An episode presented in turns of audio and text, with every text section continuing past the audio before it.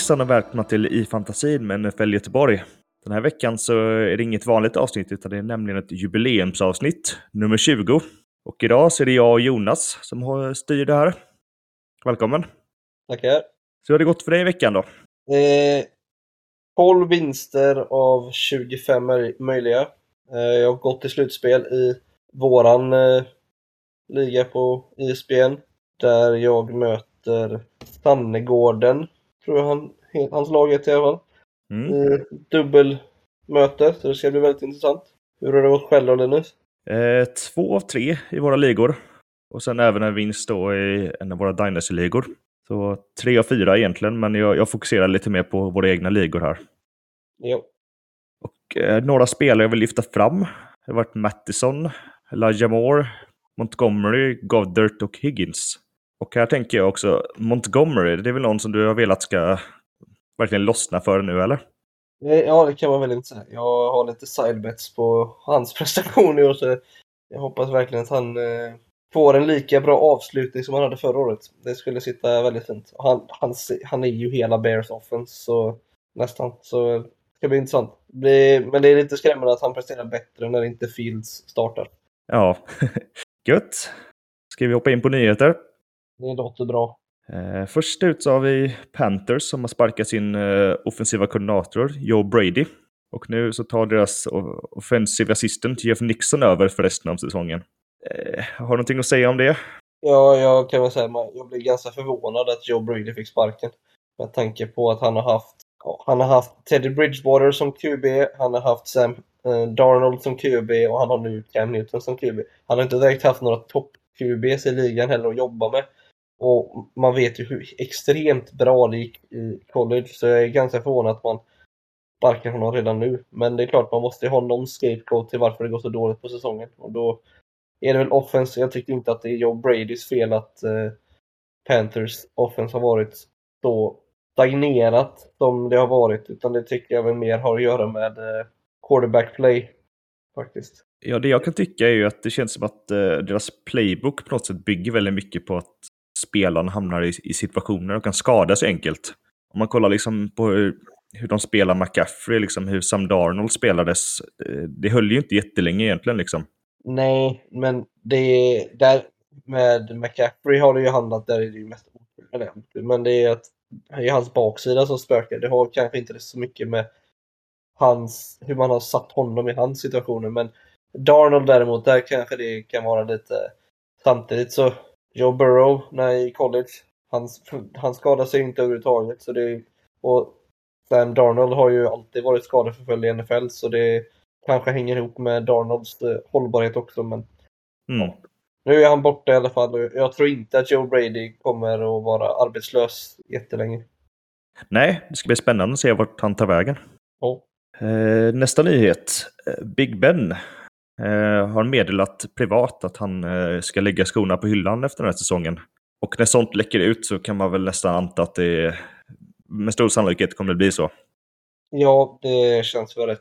Han är ganska slut, gammal Ja. och... Ja, Det skulle vara förvånande om han kom tillbaka. Hans, hans arm är ju inte vad den en gång var, eh, framförallt efter operationerna. Men operationen, det är inte flera på armen. mm, Men eh, det ska bli intressant att se hur Steelers gör för att det är fortfarande pengar knutna till Big Ben och de kanske kan bli tvingade att eh, försöka övertala honom att komma tillbaka ett år till. Men det tror jag inte de kommer lyckas med. Men vi kommer väl in på Steelers lite senare i avsnittet om inte jag säger för Ja. mycket. vi ska leka GM sen och helt enkelt reda ut hur Steelers ska göra i framtiden med sin QB-situation. Men Yes. innan vi kommer till det så har vi lite fler nyheter. Då har vi ju något som du är väldigt glad för. Justin Fields startar igen. Ja, det ska bli intressant att se. Eh, jag tror att förlorar Bears den här matchen mot Packers så måste de sparka Matt Nagy. Jag tror att anledningen till att man spelar Fields är för att han ger dem bästa chansen. Darnold var ju inte jättebra mot eh, Cardinals, fyra interceptions. Så det är ju Fields som ska försöka lösa det, men jag tror att eh, Bears kommer gå förlorande ur den striden och att förhoppningsvis, säger jag, eh, det låter ju grovt, men att det är sista matchen med Matt Nagy. Det känns inte som att spelarna tror på det heller. Nej, det är hög tid nu va? Ja, jag tycker han borde blivit sparkad efter eh, Lions-matchen även om de vann. För att eh, då hade de haft tio dagar på sig att installera ett nytt offens och allting. Men Bears har ju aldrig sparkat en eh, head coach under säsongen och det verkar som att ägarna fortsätter att stå fast vid det, dessvärre. Mm. Men om man ska liksom leka lite djävulens advokat, hur mycket hjälper det att faktiskt ta in en ny coach här sent?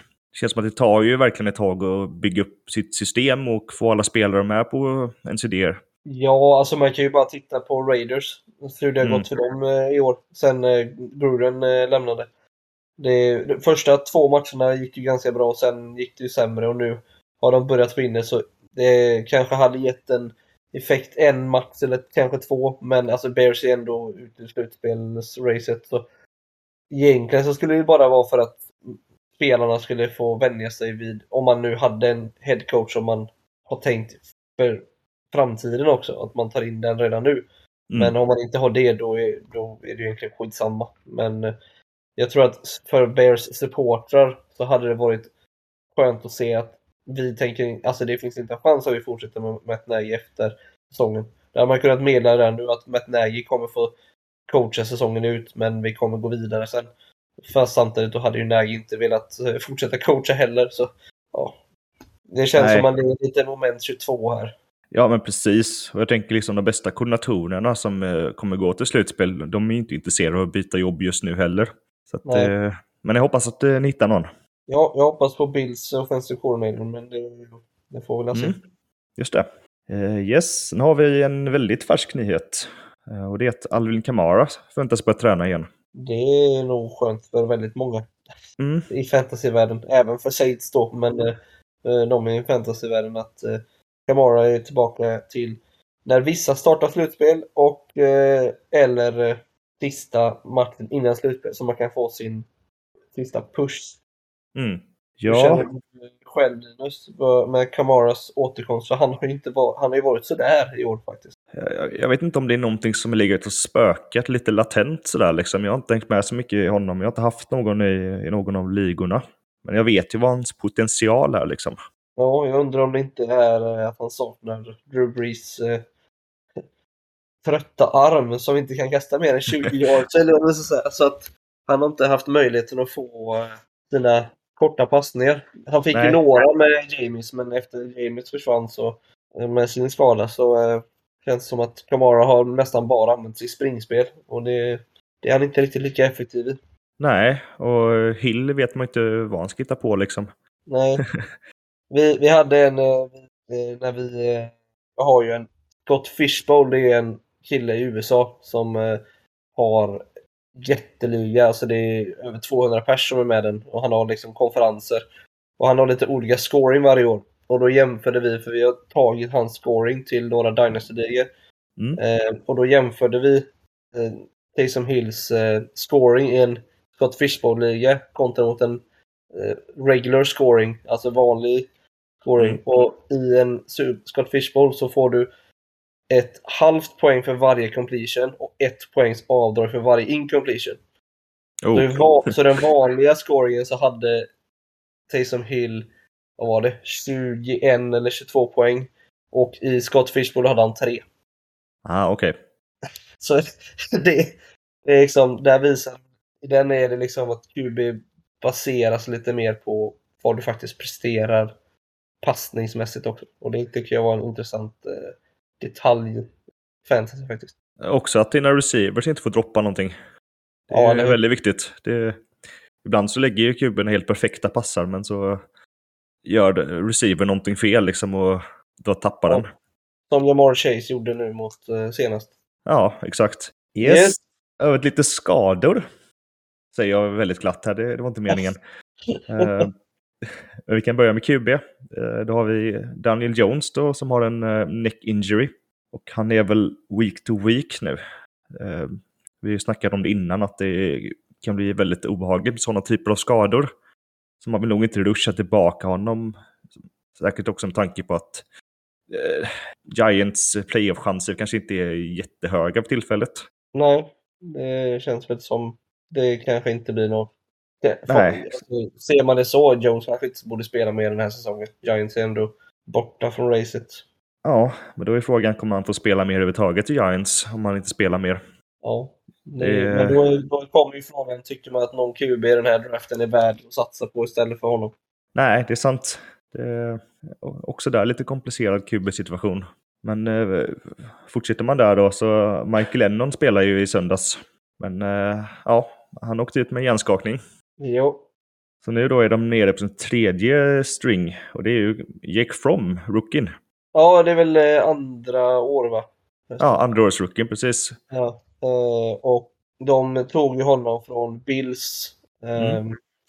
practice squad förra veckan så han är inte direkt han har inte varit på Giants roster jättelänge så han kan ju inte offenset som gjutet i sten som man kanske kan Bills offense. Så det, det skulle vara intressant. Jake Fromm Ja. var ju en ganska, inte hypad, men han, han hade sina positiva saker från när han spelade college. Så, ja, jag tror inte han skulle vara katastrof, men det är ju ingen, det är ingen uppgradering på Giants QB-position direkt. Men Nej, nej precis. Det är ju en, eh, en backup liksom. Han gick väl i, eh, vad var det, femte rundan någonting eller, eller var det senare? ja, han var fjärde eller femte. Femte Ja, var okej. det. Mm. Och sådana spelare tar det ju eh, överlag då lång tid att komma in i ligan med vissa undantag som typ Gardner Minshew. Ja, han eh, hoppas jag nästan att Eagles startar efter sin bye week. För jag tycker att Garner Minshew är en... Han ger Eagles en bättre chans att vinna just nu. Ja, absolut. Vi ska snacka lite mer om honom senare också. Jo. Men vi har Joe Burrow eh, som skadar sitt eh, lillfinger. Som, Mm. Han förväntas spela, men eh, att man behöver hålla koll på honom under veckan med hans träning. Han hade, han hade en limited träning idag, såg jag. Mm. Det såg man också i söndags på matchen där, liksom, att han eh, gick och grämade sig eh, ganska ofta. Liksom varje gång han kastade bollen. Och han, han tejpade väl lillfingret ett tag där, men han spelade igenom matchen. Liksom. Ja, han hade även på sig, en, han, han var på väg att ta på sig och köra en, en köra med en handske. Men Mm. eh, den eh, sket han i och det kan man ju förvänta sig på ett sätt. Så om du aldrig har spelat QB med att använda handskar förut så skulle det nog vara en väldigt stor skillnad. Det tror jag också. Yes, över till running backs. Då har vi Kenyon Drake som eh, fick en fraktur i sin ankel och är ute på säsongen. Ja, han var ju inte jätteglad på den spelaren som bröt hans fot han tyckte att det var ett fult spel. Ja, jo, så kan det ju vara.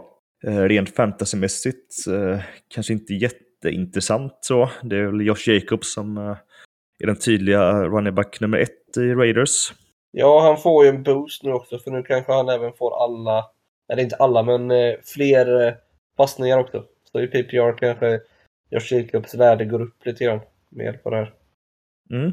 Dessvärre på grund av en skada, men sånt är ju NFL-livet. Ja, exakt. Hur ser det ut bland wide receivers då? Ja, Corey Davis har eh, skadat eh, ja, sitt groin, det är ju ljumsken, eh, ute för säsongen.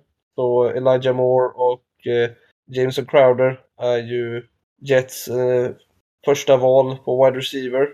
Mm. Elijah Moore har ju verkligen exploderat nu andra halvan av säsongen får man ju säga. Oh, ja.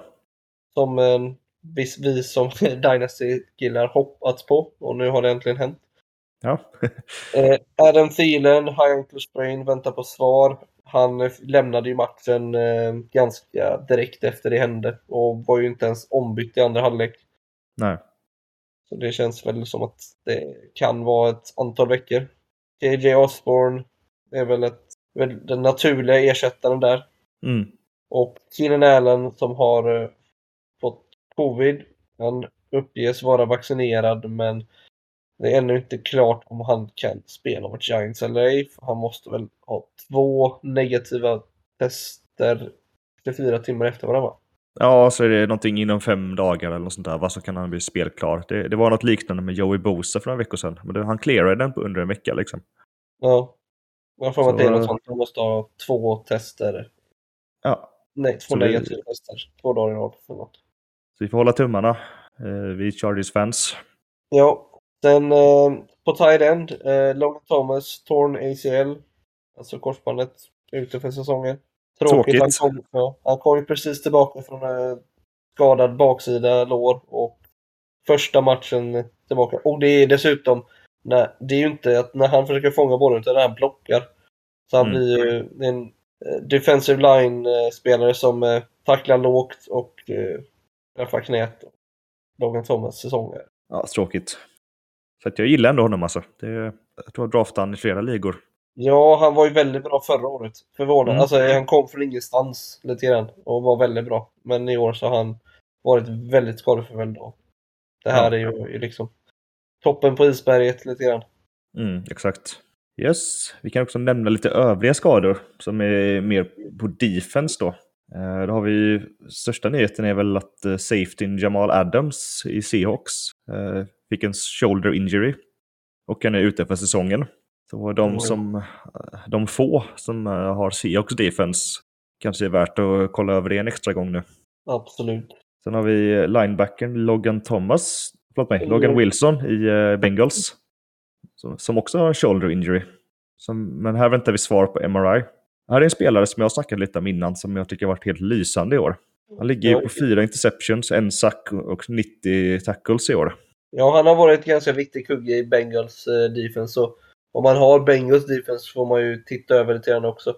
Det är, Han har verkligen nu varit eh, tongivande för deras defense. Oh ja. Sen har vi en till nyckelskada och det är cornerbacken Marlon Humphrey i Ravens. Som har en eh, potentiellt en torn peck. Eh, vad blir det? Det blir väl eh, Ja. bröstmuskeln va? Ja, det blir det? Peck, ja. Ja, det borde det vara. Ja, och även han väntar MRI. Yes. Och så Yes. Montez eh, Sweat i Washington football team som har fått covid och är klart att han missar matchen på söndag för jag tror det är så Ja. att han inte är vaccinerad. Mm. Och det var ju liksom det enda som var lite bra i år med Washingtons defense. Så att, eh, nu är det absolut ingenting att starta. Nej. Ja, nu då ska, vi, ska du och jag leka general managers här för Pittsburgh Steelers. Yes. Och vi ska reda ut helt enkelt hur, hur de ska göra med QB nästa år. Så, så som det ser ut just nu, om vi förutsätter att Big Ben går i pension, som han har sagt, då är ju Mason Rudolph den framtida QB1 i Steelers. Och det vet ju alla att eh, han är inte framtiden. Så Nej. frågan är, vem kommer starta nästa år för Steelers? Och då så ska vi fokusera på lite olika saker. Eh, först ut så, så är det lite trades som jag tar fram här. Och då kan jag Ja. börja med eh, Aaron Rodgers, som just nu har ett år kvar på sitt kontrakt med Packers.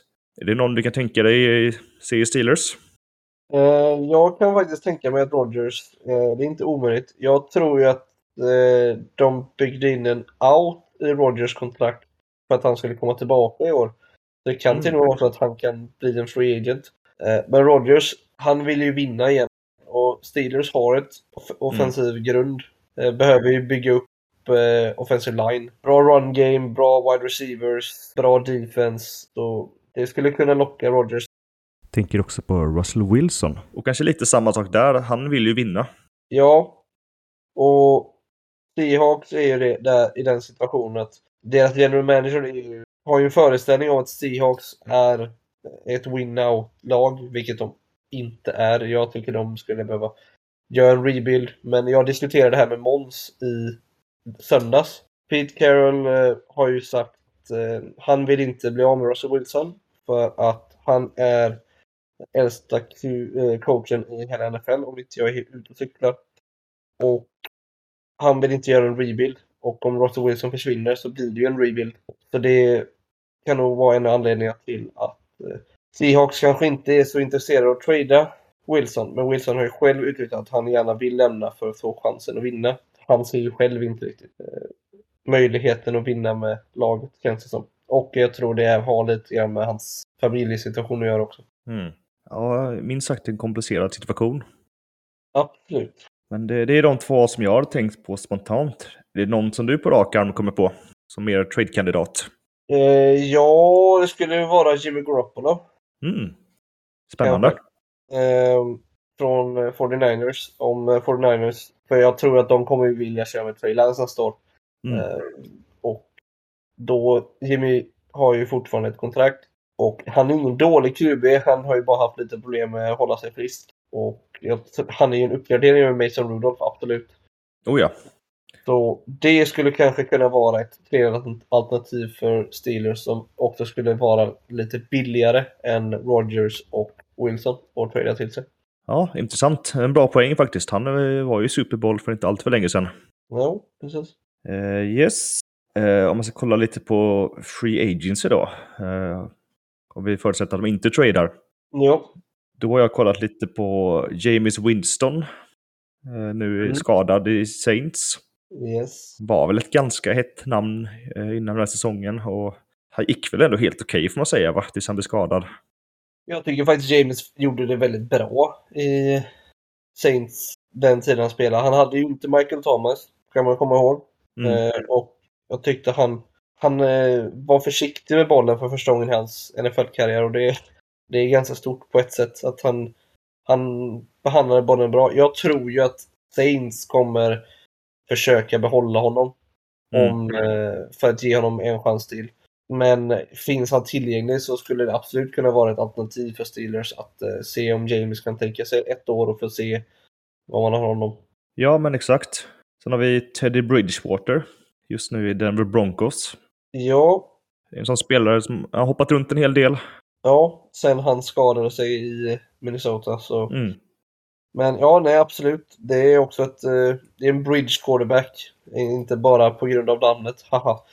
Utan ja. eh, han är ju en liten bridge quarterback och det är ju samma med Tyron Taylor skulle också kunna vara en bridge quarterback om inte han blir kvar i Texans. Ja, men exakt. men eh, jag tror att Teddy skulle kunna vara ett alternativ också. Sen tror jag, jag skrev ju också in en, en liten dark horse som jag tror skulle kunna mycket väl kunna få en chans i något lag och det är ju Mitchell Trubisky, Bears mm. gamla starting QB man får ju ändå komma ihåg att han gjorde två bra säsonger i Bears. Sen eh, gjorde han två riktigt dåliga säsonger också. Så han eh, blandar ju och ger en del. Men jag tror att han eh, mycket väl skulle kunna få en chans. Han har suttit bak, ett år bakom eh, Josh Allen och sugit i sig all den kunskap han kan från Josh Allen. Och jag tror att han skulle mycket väl kunna få en ny chans att starta någonstans. Och varför inte Steelers? De har ju inget att förlora på det. Jag tror han lätt skulle konkurrera ut Mason Rudolph i alla fall. Ja, absolut. det hade varit väldigt intressant om det hade skett. För man vill ju se mer av honom. Man vet ju hur högt han draftades, vilken potential han har verkligen. Ja, absolut. Så det, det är inte... Det känns som... Jag tror ju att Mitch hamnar i... Kanske i Steelers. Annars kanske i Washington Football Team eller något sånt liknande. Kanske i, även i Texans, alltså något sånt. För att ge mm. honom och en chans att starta och så. Det tror jag. Yes. Nu då ska vi kolla på något som kanske är lite intressantare ur ett fantasyperspektiv. Och det är ju om man tänker att Steelers draftar en QB. vi ska nu eh, gå igenom eh, deras två första pick som i, eh, just nu i stunden är pick nummer 18 och pick nummer 50. Och, ja, vill du börja kanske? Ja, jag kan börja. Eh, vi har ju Matt Corral, QB från Ole Miss predicted first round. Antagligen kommer inte han vara tillgänglig vid eh, pick nummer 18 utan i sådana fall skulle Steelers behöva trada upp. Eh, han, den här säsongen har ju Matt Corral gjort ja, 300, 3339 passing yards, 20 passing touchdowns och 4 interceptions och han har sprungit nästan 600 yards tillsammans med 11 rushing touchdowns. Så man kan väl säga en liten eh, som jag, vi diskuterade förut, kanske en liten Kyler Murray-variant eh, av en QB, men inte riktigt lika hypad. Mm. Och kanske inte riktigt lika talangfull, men ändå om man tänker spel, spelmässigt så kan man ha, tänka sig det i alla fall. Sen har vi även Libertys eh, quarterback eh, Malik Willis. Har inte riktigt lika bra stats som eh, Matt Corral när det kommer till passing. Han har 2626 passing yards 24 touchdowns och 12 interceptions, men 820 rushing yards och 11 touchdowns. Han ses lite mer som ett eh, projekt som Trey Lance gjorde när han kom in, men väldigt talangfull. Mm. Och tredje kuben som skulle kunna gå i första rundan. Så min personliga favorit i den här rookie-draften faktiskt. Det är Sam Howell från North Carolina. Han tros gå någonstans i runda 1 runda 2. Eh, det här året var hans sämsta i passing eh, i college. Men förra året hade han eh, Brown och Des Newsom. I år hade han nästan inga talangfulla wide receivers. Och då har han ändå lyckats få ihop 2704 passing yards, 23 touchdowns och 9 receptions. Tillsammans med ett personligt rekord på 825 rushing yards och 11 touchdowns. Rushing-delen mm. tror jag lockar en del eh, NFL-lag. Ja, det är den moderna kuben. Verkligen. Eh, då har vi en till här på listan, en QB som eh, kanske är första rundan, kanske andra, men vi kan nämna nu ändå. Och det är ju Carson Strong, QB i Nevada. Ja. Eh, han ligger på 4186 passing yards, 36 touchdowns, 8 interceptions och ingen rushing yard värd att nämna. Nej. kan vi väl säga. Det var en del åt fel håll så att säga va? Ja, det var eh, nästan 300 negativa, eller 250 negativa rushing yards, men det, det är väl antagligen en del eh, sacks och en del kneel downs och inte något direkt eh, spring, springande eh, framåt. Nej. Man säger så. det är väl inte direkt något värt att nämna. Nej, en sån här QB behöver ju en riktigt stark o-line. Ja, verkligen. Och det är ju inte riktigt det Steelers har just nu. Nej. Sen hade vi även Kenny Pickett som eh, local boy som spelar för Pittsburghs eh, college-lag. Som mm. eh, tros också gå... En del tror han kommer gå runda ett, en del tror han kommer gå runda två. Det är lite eh, debatt, diskussion där. Han är ju lite äldre. Han valde att stanna ett extra år i college. I år har han ändå lyckats med 4319 passing yards. Hela 42 passing touchdowns till bara 7 interceptions. 241 mm. rushing yards och 5 rushing touchdowns. Så väldigt, väldigt bra college stats får man ändå säga. Sista året. Ja, som du säger, det är ju en nackdel att han är lite äldre. Och kanske inte lika formbar på det sättet. Nej, men det och eh, håll, äh, längden, håll, alltså hålla många år också. Men mm. det är klart, det är, han är 23, fyller 24 så han är ju inte han är ju inte supergammal, han är inte Whedon gammal som var 27 eller 28 när han kom in i NFL. Ah, ja, okej. Okay. så det, det, är inte på den nivån. Men... Nej. Men sen diskuterade vi att om man kanske skulle vänta ett år. Mm. Och hur, vad skulle man tänka, hur skulle man kunna tänka då Linus? Att drafta? Om vi väljer att vi känner att nej, vi tror inte riktigt på någon av de här kuberna. Vi tar Teddy Bridgewater till exempel ett år. Mm. Och kör med honom ett år och satsar med nästa år och tänker vi bygger upp en bra grund. Vilka spelare skulle kunna vara intressanta för Steelers att ta då? Ja, eh, kollar man då på deras behov så är ju cornerback och eh, offensive tackle, eller offensive line överlag, eh, någonting man kanske borde kolla lite på. Jag har hittat en som heter Ahmad Gardner, som är cornerback i Cincinnati, som går väldigt bra i år. Han har hittills i år gjort eh, 35 tackles, varav 26 solo. 4 pass defended, 3 sacks, en force fumble och 3 interceptions. Ja. Det är starka stats. Det är riktigt starka stats. Det är eh, corner number one i vissa lag skulle man väl lätt ja, kunna säga. Så frågan är om man ens kommer finnas kvar. Det är ju tvek på det. Så därför har jag kollat på en till. Kair Ilam, som är cornerback i Florida. 27 eh, tackles, varav 15 solo. Eh, fyra passes defender och en interception. Inte lika spännande stats, men eh, kanske en mer realistisk pick. Jo, absolut. Det här är ju också en väldigt viktig position för dem att fylla i Steelers. Ja, verkligen. De har ju inte direkt något stort namn. Joe Hayden är väl deras QB, eh, cornerback 1, om inte jag minns fel. Ja, Mika Fitzpatrick har men han är ju safety. Så Ja. Om man skulle gå o-line då, vilka skulle vara realistiska pick? Även Neil är ju borta för han lär ju gå topp 7. Mm. Vi har ju Charles Cross i Mississippi State, offensive tackle.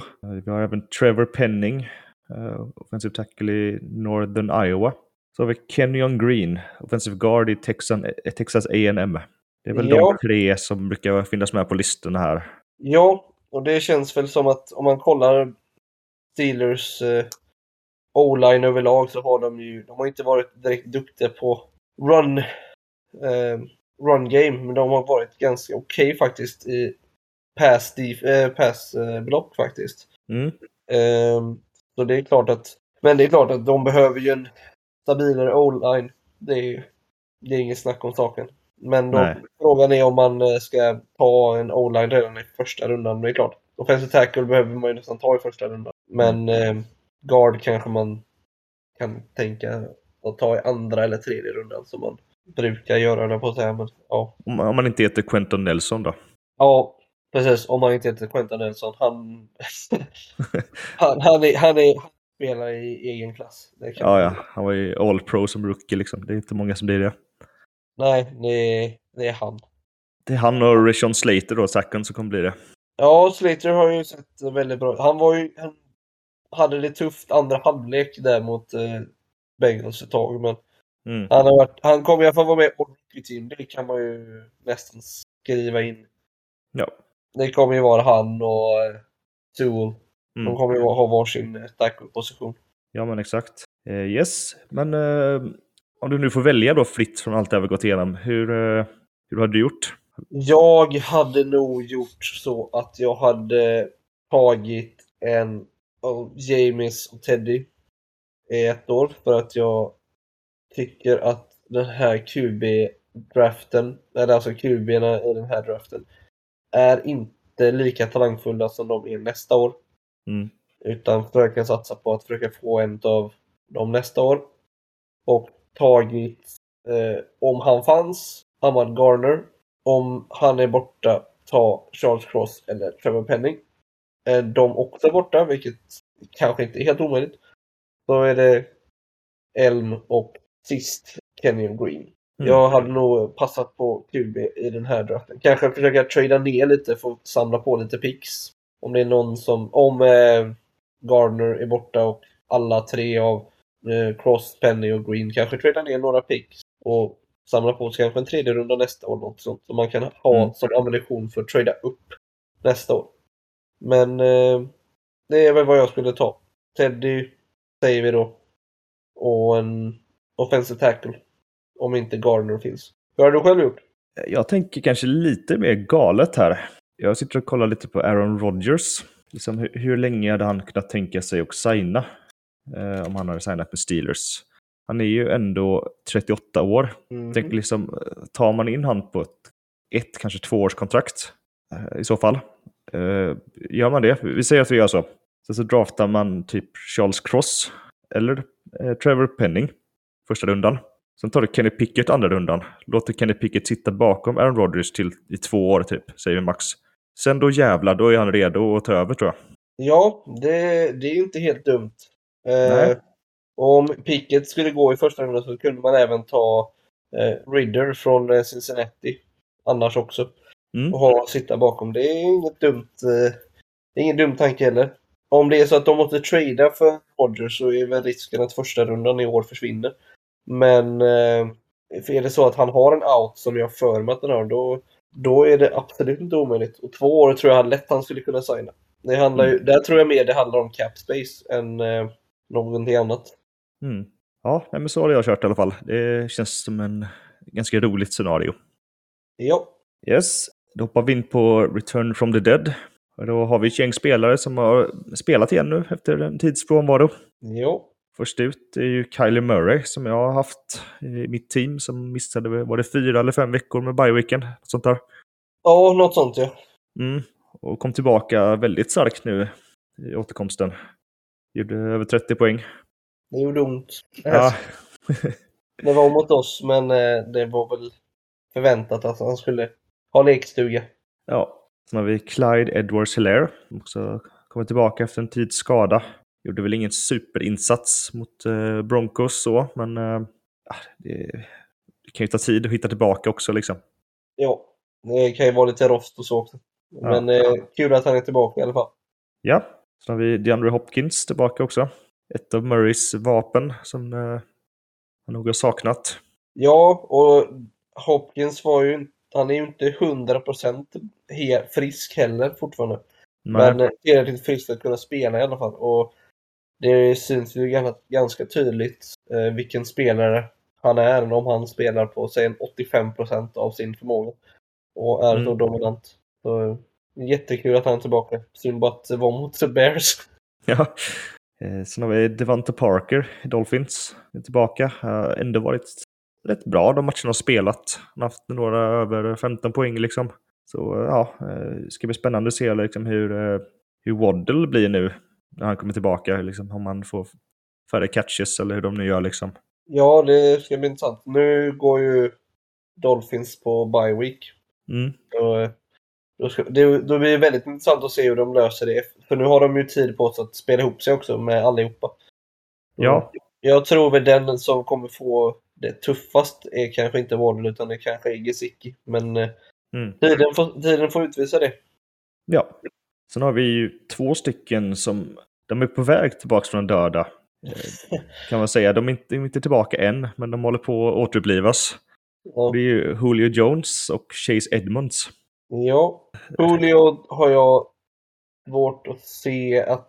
Nu är ju A.J. Brown borta, Mm. mm. visserligen, men jag tror att Julio Jones inte kommer hålla mer än match. Så illa.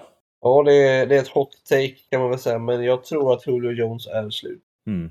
Jag tror att han, hans baksidor, alltså hans kropp, säg, har börjat säga ifrån för mycket.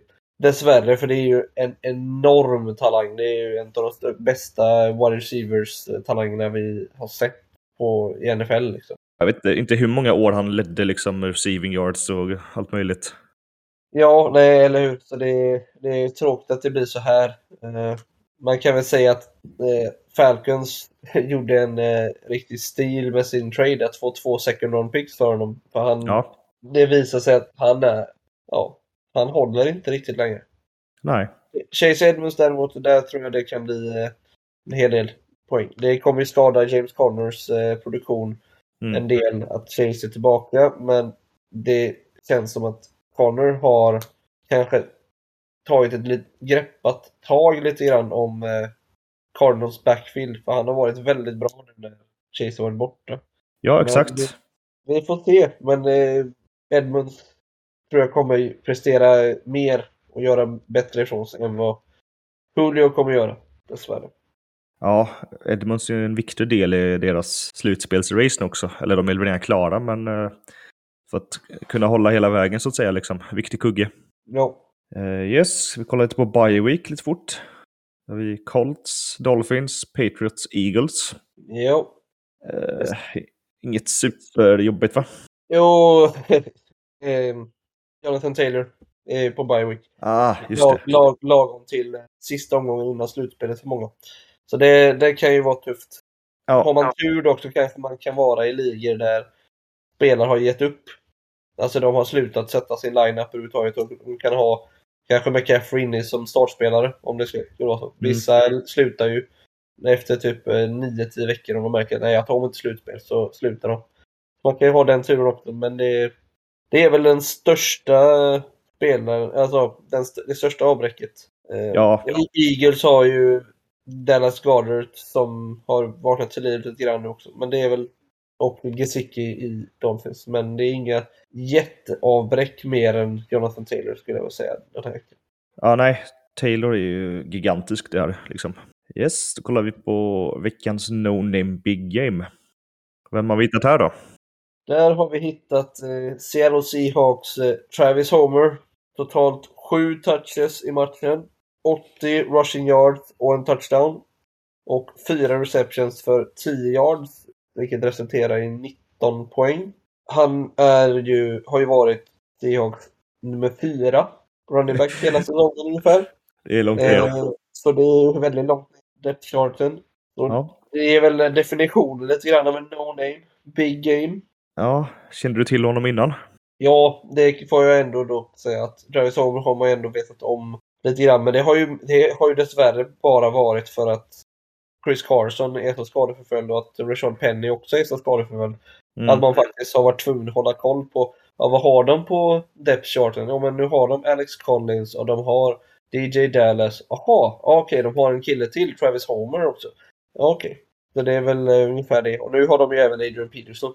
Um, så de har, nu har de ett väldigt rörigt backfield helt plötsligt igen. Ja, absolut. Det är, det är svårt att spela fantasy med så många olika running backs med. Ja, absolut. Ja, nej, jag känner inte till honom heller. Travis Homer Simpson. Nej, det heter han inte. Men eh, nej, det var verkligen en no-name för mig. I vanlig ordning. Jag känner aldrig igen någon av de här namnen. Nej. yes, men då går vi vidare till eh, What the fuck is going on dude? Ja, jag bara... What the fuck is going on dude? Ja, här har vi då Mac Jones som stod för en magisk insats mot Bill senast. Två av tre passes för 19 yards och fem carries minus 3 yards. Och han landade på hela 0,46 fantasypoäng och ett W.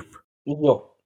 Eh, om man inte spelar på sleeper, för där fick man faktiskt ett halvt minuspoäng för Ah.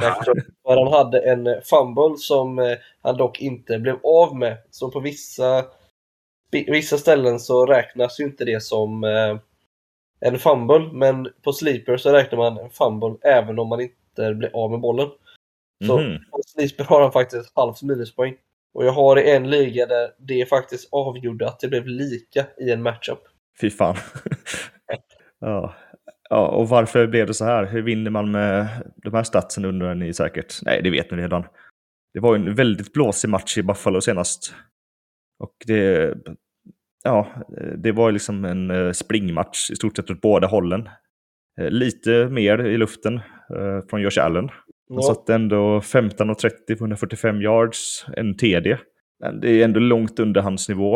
Och, Jo, ja, han gjorde även en TD, 6 carries för 39 yards och en fumble. Men den här matchen Ja. lyckades Patriots vinna ändå. På något sjukt Ja. jävla vänster.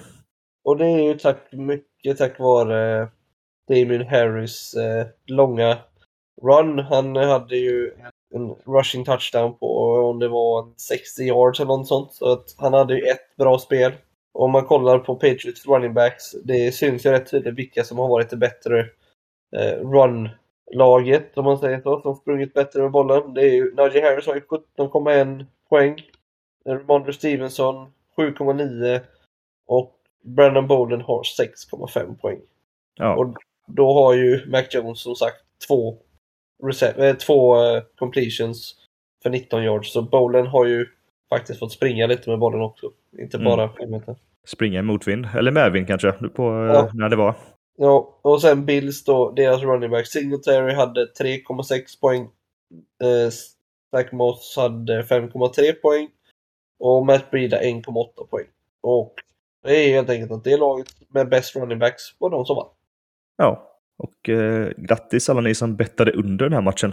Ja, vad, vad blev det? Var 17, eh, De 10 var det väl. 10. Och eh, ja, ni som eh, har Twitter, ni kan ju titta på Hustlarkungens eh, Twitter där han har lagt upp där eh, Buffalo Media ställer en ganska klumpig fråga till eh, Buffalos eh, safeties. Eh, det blev ganska spänd stämning efter den frågan, men det var ganska roligt att se faktiskt. Så det kan jag ge ett tips om. Ja, och det är så jävla dumt att kritisera defense som släpper in 17 poäng ändå. Ja, Det är inte ens eh, mycket. Nej, precis. ja, ja. Eh, vidare till eh, något eh, lite roligare och det är att Minchumania är tillbaka. Ja, Något som vi alla har saknat. Den här graciösa mustaschen som eh, var lysande sitt första år i Eagles. Nej, i Jaguars och nu är det Eagles. jo, Han stod ju då för en eh, ganska bra match. 20 av 25 completions, 242 yards, 2 TD, 4 rushes för 11 yards. Ja, men det var riktigt kul att se.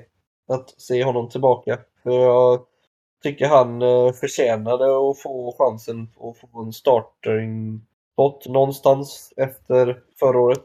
Ja, exakt. Nej, För kollar man på hans rookie-säsong så hade han ju typ lika bra stats som Baker Mayfield hade. Som gick Ja. first overall i sitt år. Jo, absolut. Så Det, nej, men så det är väldigt kul. Eh, Man eh, kunde ju se video på eftermatchen när han och hans eh, fasta firade. Och det var verkligen en väldigt exalterad Gardner Minshew. som var väldigt, väldigt nöjd. Ja, ja, det är fint. Nej, en sak jag aldrig har fattat är varför Jaguars inte bara lät Trevor Lawrence gå ett år bakom Gardner Minshew. Han är Ja. ju uppenbarligen mogen för att spela, har varit det från start. Ja, det, det har väl att göra med att, eh, tror jag, att Trevor Lawrence har aldrig suttit bakom någon någonsin. Han har alltid lyckats, var han ändå varit. Man har aldrig haft en så värdelös coach som, eh, som Urban Myers. Nej, Vär, värdelös var tid, men eh, han är inte en NFL-coach, så kan man säga. Han har varit bra i college, men eh, i NFL håller inte Urban Meyer måttet. nej, men jag tycker ändå det är ganska risklöst. Alltså, även om man startar Minshew kanske vi säger ett, ett par matcher. Är han helt värdelös in med Lawrence? Vad har du förlorat på det? Det är inte så att man kommer gå in och röja med en gång. Det är ju ganska uppenbart. Ja, nej, det, det är väl att man har väl tyckt att ja, men även Lawrence han har varit redo för NFL. Men samtidigt gjorde ju med, eh, Urban Meyer hade ju så hela sin eh, preseason hade han ju att eh, de två delade på alla first team snaps. Så Mm. Det kanske var en tanke från början men att man tyckte att Lawrence var den som gjorde bättre ifrån sig. Ja, men exakt. Och på tal om Urban Meyer och konstiga beslut. James Robinson blev ju bänkad efter en fumble nu senast. Där Urban eh, Meyer valde att sätta in Carlos Hyde. Som inte gjorde jätteimponerande insatser. Han gjorde visserligen en TD och hade några yards, men även en fumble han också. Ja. Väldigt konstigt och väldigt tråkigt för oss som hade James Robinson i line-upen. Vad hände här egentligen? Ja, alltså James Robinson har ju själv gått ut i media och sagt att han själv undrar varför inte han får mer touches. För han tycker att han eh, förtjänar det. Att han har gjort sig förtjänt av det. Och det, det ser väl alla utom Urban Meyer och Jaguars eh, coaches. Eh, de säger ju att ja, men Carlos Hyde har mer eh, spring i benen. Och det är de nog rätt ensamma om att se. Ja, Sen eh, James Robinson i, har ju varit ganska, har haft ganska mycket skavanker de senaste veckorna. När han har haft det. Han har ju inte tränat fullt ut och det är väl kanske det som gör att Myers är lite eh, tveksam till vad han har, Robinson. Men spelar han så ska han ju ha så mycket taktiskt han bara klarar av. ja. För att James Robinson är ju riktigt, riktigt bra och talangfull running back. Det, och alltså det, att Myers draftade Travis Etienne är för mig fortfarande jag är själv förv- förvånad och det var ju faktiskt Travis Etienne också. Det har ju själv gått ut och sagt att jag räknade inte med att Jaguars skulle drafta mig. Det hade jag inte fått någon förvarning om alls. Jag trodde Nej. jag skulle till Buffalo. Har han ju gått ut och sagt. ja, det är väl den kopplingen mellan han och Lawrence i Clemson. Ja. Men då är det värt någonting. Ja, antagligen. Men eh, ja, nej, så det, det ska bli intressant att se om eh, James Robinson eh, får lite mer touches framöver. Eller om... Ja, för han har väl ett år kvar på sitt rookie-kontrakt va, oavsett. Ja, precis. Så att, han kommer inte gå någonstans nästa år. Nej. Och sen hade vi ju lite, inte Return of the Dead är det ju inte, men vi hade en Return of the Rock and Roll. Eller vad man ska säga, med George Kittle. Han hade en riktig, riktigt bra match för 49ers. 9 receptions på 12 targets. 181 yards, två touchdowns och en carry för 5 yards. Ja, the people's tight end. Ja, Kul att se honom tillbaka. Det är ju Ja. en riktig monstermatch det här alltså. ja det, det är en så- sån match man, som man har väntat på att han ska ju ha. Och nu kom den äntligen. Mm. Det är väl nu kanske när Dimbo Samuel inte spelade. Finns Ja. det ju mer, mer eh, targets till Kittel. Han fick ju säsonghöga 12 targets den här gången. Ja, och det kanske är också att Kittel kanske inte är 100% frisk också. Mm. Men samtidigt så är det ju som du säger att Debo borta, då finns det ju targets. Och George Kittle är ju... Man vet ju att han är riktigt, riktigt duktig med bollen så det är klart att då väljer man väl honom före någon wide receiver 4 eller så. Ja, exakt. Nej, men, eh, riktigt kul att se. Yes, då ska vi kika lite på vilka spelare som var bäst då, vecka 13, eh, positionsvis. Då börjar vi då med Return of the Dead-kingen, Kyler Murray, 30,82 poäng. Ja, Inte, inte magiska siffror, men högt är det i alla fall. Ja det är stabila och bra siffror. Det var inte jättemycket passing från honom utan det var ju, han hade väl två rushing touchdowns också. Om inte jag minns fel. Det är ju spännande med tanke på Ja. hans ankelbekymmer. Att Ja, han ändå precis. vågar. Ja, men eh, det var ju inte, han var ju inte ens en, det var ju inte en Bears försvarare i närheten av honom. Så det, Nej. men, det- men det, självklart, det, det, när man såg honom springa där så såg det inte ut att han var, att han var det minsta bekymrad av sin eh, ankel. Så. Mm. Ja. Sen QB2, Tom Brady. 28,62 poäng. Yes, Stabila poäng. Goaten. Ja. Sen har vi framtida Goaten, Justin Herbert. 5,28. Ja. En stabil insats mot Bengals. Ja, han var väldigt bra. Hade ju en liten tuff period där när eh, Bengals försvar helt plötsligt började komma igenom och kunna sacka honom lite till och från. Men, Ja, men Men, eh, eh, ja, väldigt bra. Jo, det största felen var väl ändå Eckler's fumbles, tycker jag. I den matchen. Ja, han, hade, han lyckades inte riktigt hålla i bollen. Men jag vill att han fick en touchdown till slut. så att Mitt eh, bett satt. Ja, sen får man inte heller glömma att eh, Herbert gjorde ju en tackle också. Ja, just det. Det gjorde han. och eh, räddade faktiskt sex poäng i den driven. Så att, ja. Ja. Yes, RB1 för den här veckan. Eh. Javonte Williams, äntligen breakout game. 29,8 poäng. Kul! Jag tror inte han har varit med på den här listan innan. Topp tre. Nej, och det börjar redan snackas om eh, i fantasy-snack om att Javonte Williams nästa år i redraft skulle kunna vara en topp 5-pick. Mm. Om eh, Josh Gordon, nej inte Josh Gordon, om Melvin Gordon eh, försvinner från eh, Broncos. Så där ja, det, det kan jag faktiskt se framför mig. Eh, Yes, vem har vi sen? RB2, David Monty Montgomery. 28,1 poäng. Han är Bears hela offense just nu. Ja, Eh, Så väldigt bra stabil match. Väldigt betryggande att han hade en hel del targets också.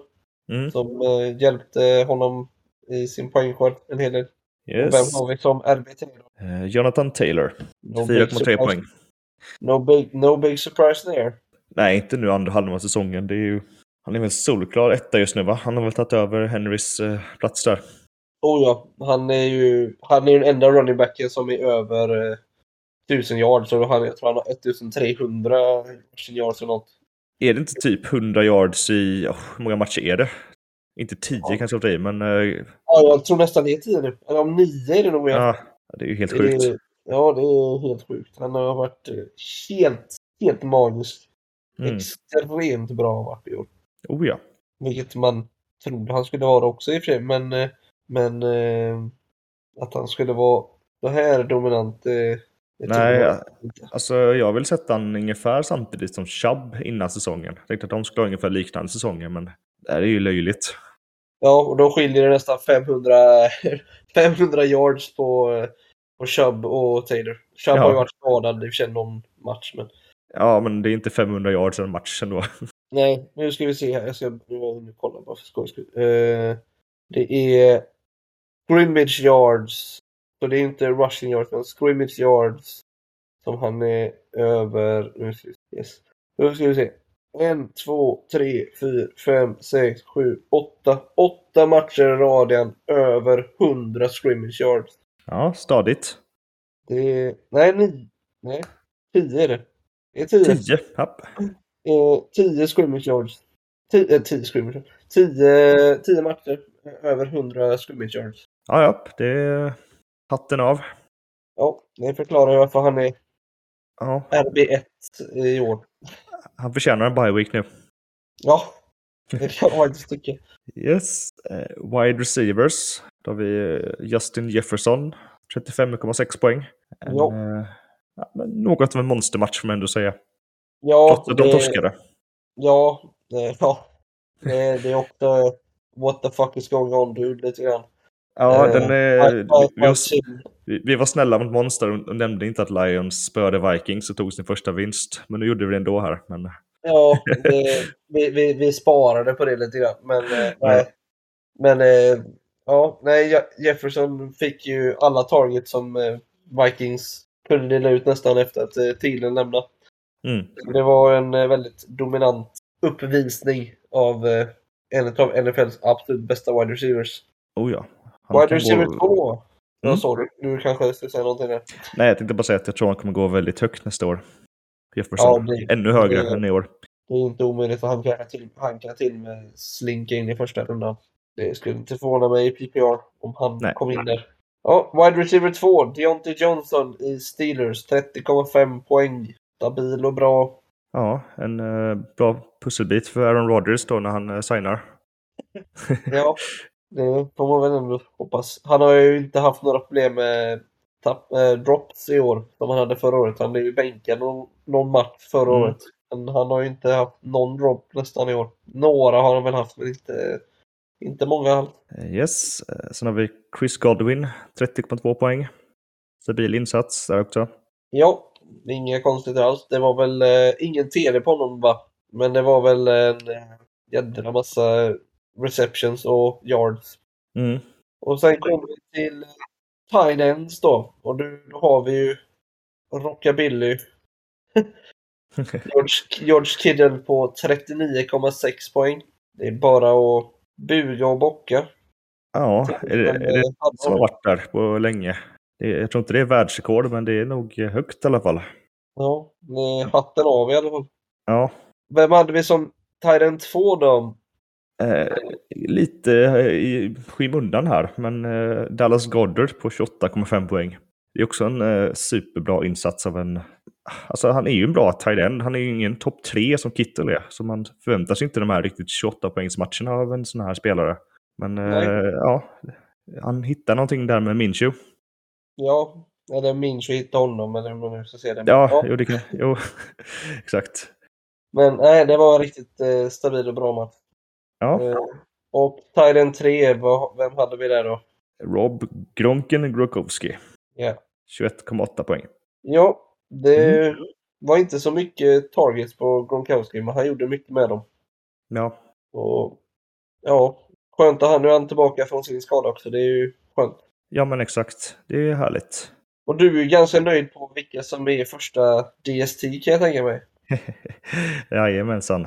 Det är Chargers på 19. Där Den, eh, de har blivit bättre senaste matcherna nu. Dealan har funkat.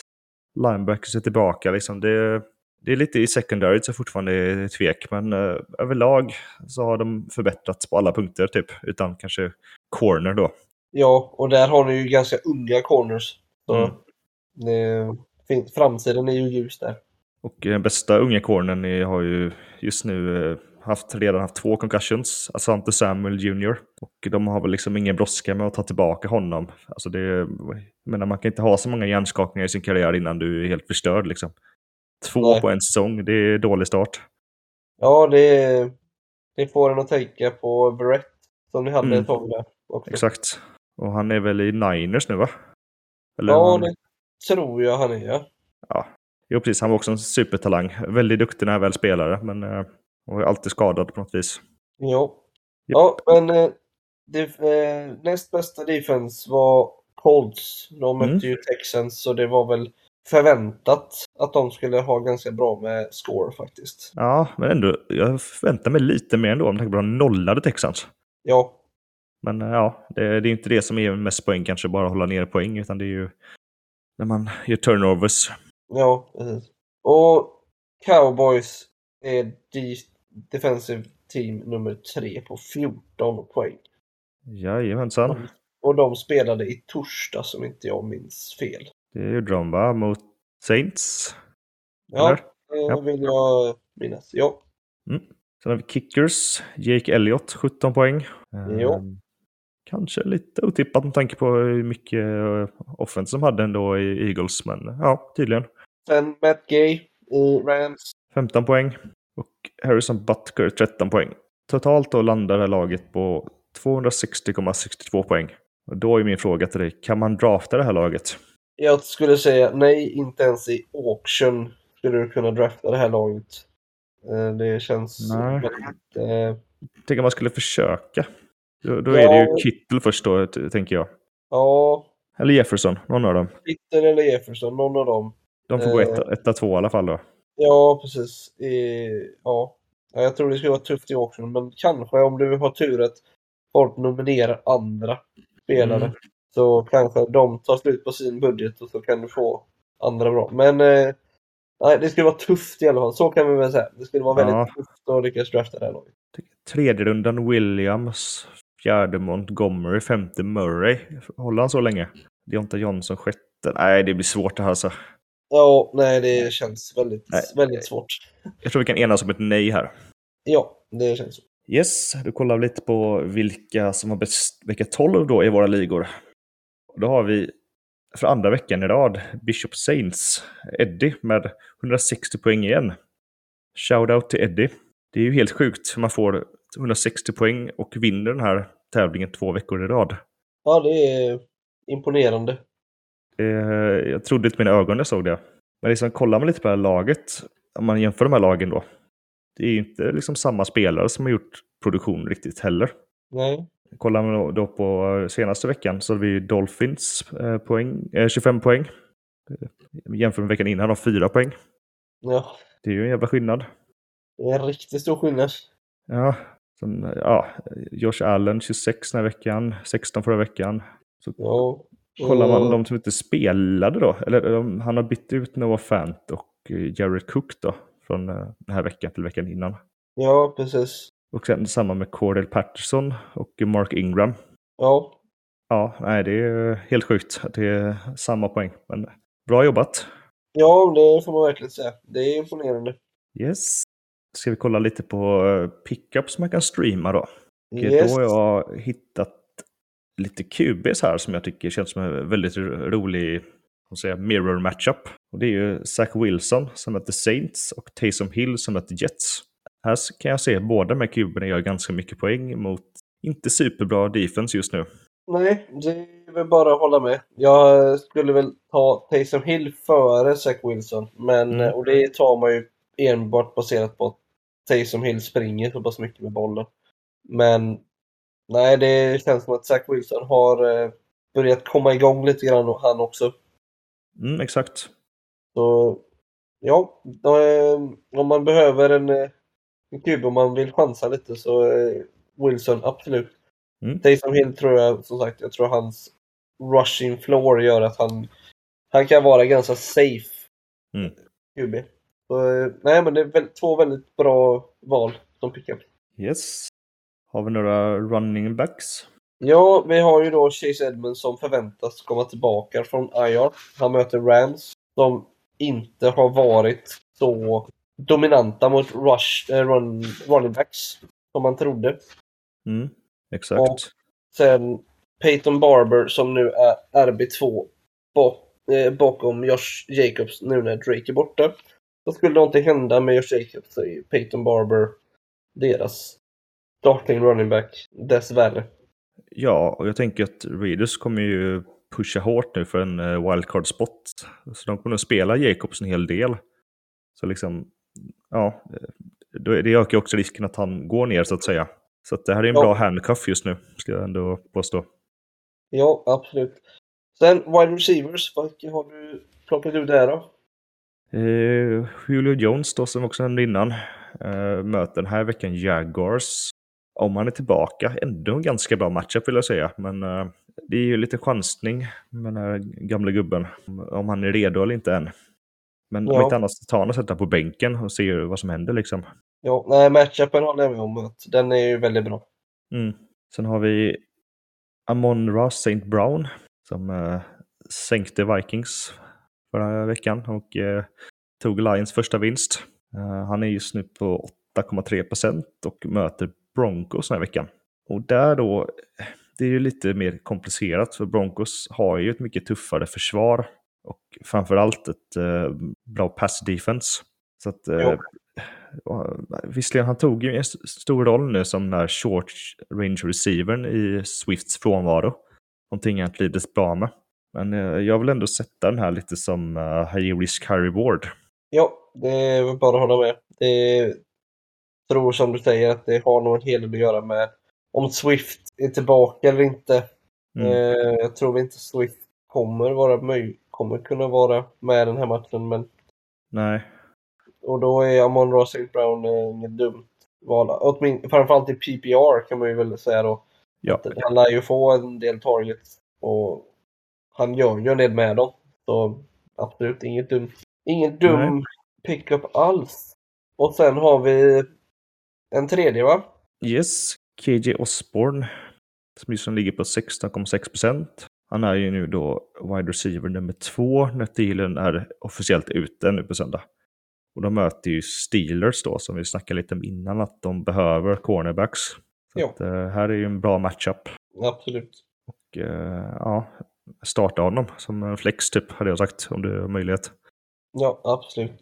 Och sen Thailand, där har vi Tyler Conklin Mm. som också möter Steelers då eftersom att han som KJ Osborne är spelar för Minnesota. Conklin kommer väl också kunna utnyttja lite grann att tiden är borta. Kanske få Absolut. någon mer target. Hade 12,6 poäng senast. Mm. 40,2 procent roster just nu. Mm, ganska högt, men eh, inte omöjligt. Nej, han kan nog finnas tillgänglig fortfarande. Sen defense, vilka har vi där? Då har vi då eh, återigen Chargers. Som just nu ligger på 26,9 procent. De möter Giants då med sin third Q, string QB Jake From. Eh, Ja, det, det är ju, och en ganska dålig o-line. Det är ju gjort för en sackfest liksom. absolut. Eh, I och med då 19 poäng senast så stod de för två interceptions. Var en var en pick six. Två fumble recoveries och sex stycken sacks. Ja, och då var det mot Joe Burrow. Ja, Nu är det Jake. Så exakt. 26,9 procent borde stiga ganska markant. Eh, Det är den het, hetaste tipset, ska jag nog säga, den här veckan. Ja, sedan har vi Cowboys. 60,7 procent ägda som det är just nu. Möter Washington Football Team. 14 poäng senast. Eh, fyra interceptions. Varav en var pick six och två sacks. Ja, De är ju ganska mycket ägda, men eh, om de finns tillgängliga så kan de vara värda att ta en titt på. absolut. Sen då sist men inte minst har vi Chiefs Stephen som faktiskt har varit riktigt bra det senaste. De möter ju då Raiders eh, den här veckan. Och senast då stod de för 13 poäng, varav två interceptions, eh, inklusive en pick six, en fumble recovery och en sack. Så de här tre är de vi rekommenderar. Ja. Och det man kan se som är en eh, tydlig, eh, tydligt mönster när det kommer till höga poäng på defense, det är att man gör en pick six. Alla tre som, eh, som vi nämner här hade en pick six förra veckan. Det är väl Så- åtta poäng va? Det är väl sex poäng för en eh, touchdown och två för en interception va? Jag tror det. Mm. Eller alternativt det är fyra plus två. Så att minst är det sex poäng, men jag tror det kan nog stabba till åtta poäng. Mm. Men det är, så det är, det är mycket det som avgörs. Man kan leta lite grann, vad tror man att det kan bli mycket interceptions i en match? Då kan man nog lita på det i defenset också. Men det är, Chargers känns som eh, det ex, riktigt heta tipset. Mm. Yes. Nej, men då hade vi väl inget mer här va? Nej, det är väl att säga att eh, om man... Nu har vi kommit till sista veckan av eh, grundserien för Mm. många. En del kanske slutspelet redan börjar. Får bara säga lycka till till alla ni som tagit er till slutspel. Eh, Och ni som kämpar om att ta er till slutspel, lycka till! Ja, men precis. Lycka till. Och kom och häng med oss på O'Learys varje söndag. Det är alltid trevligt häng. Och käka gött och drick lite gött och ja, ha trevligt sällskap. Och, eh, ni får gärna följa oss på Facebook. Det var både en sida och en grupp. Vi finns på Instagram, vi finns på Discord. Vi finns på Patreon. Där, på, under patreon.com nflgbg. Där man gärna får stötta med en valfri slant för att förbättra poddens kvalitet, så att säga. Nej, men då får ni ha det så gött så länge. Ja, tack för oss! Tack, ha det gött. Hej! Hej!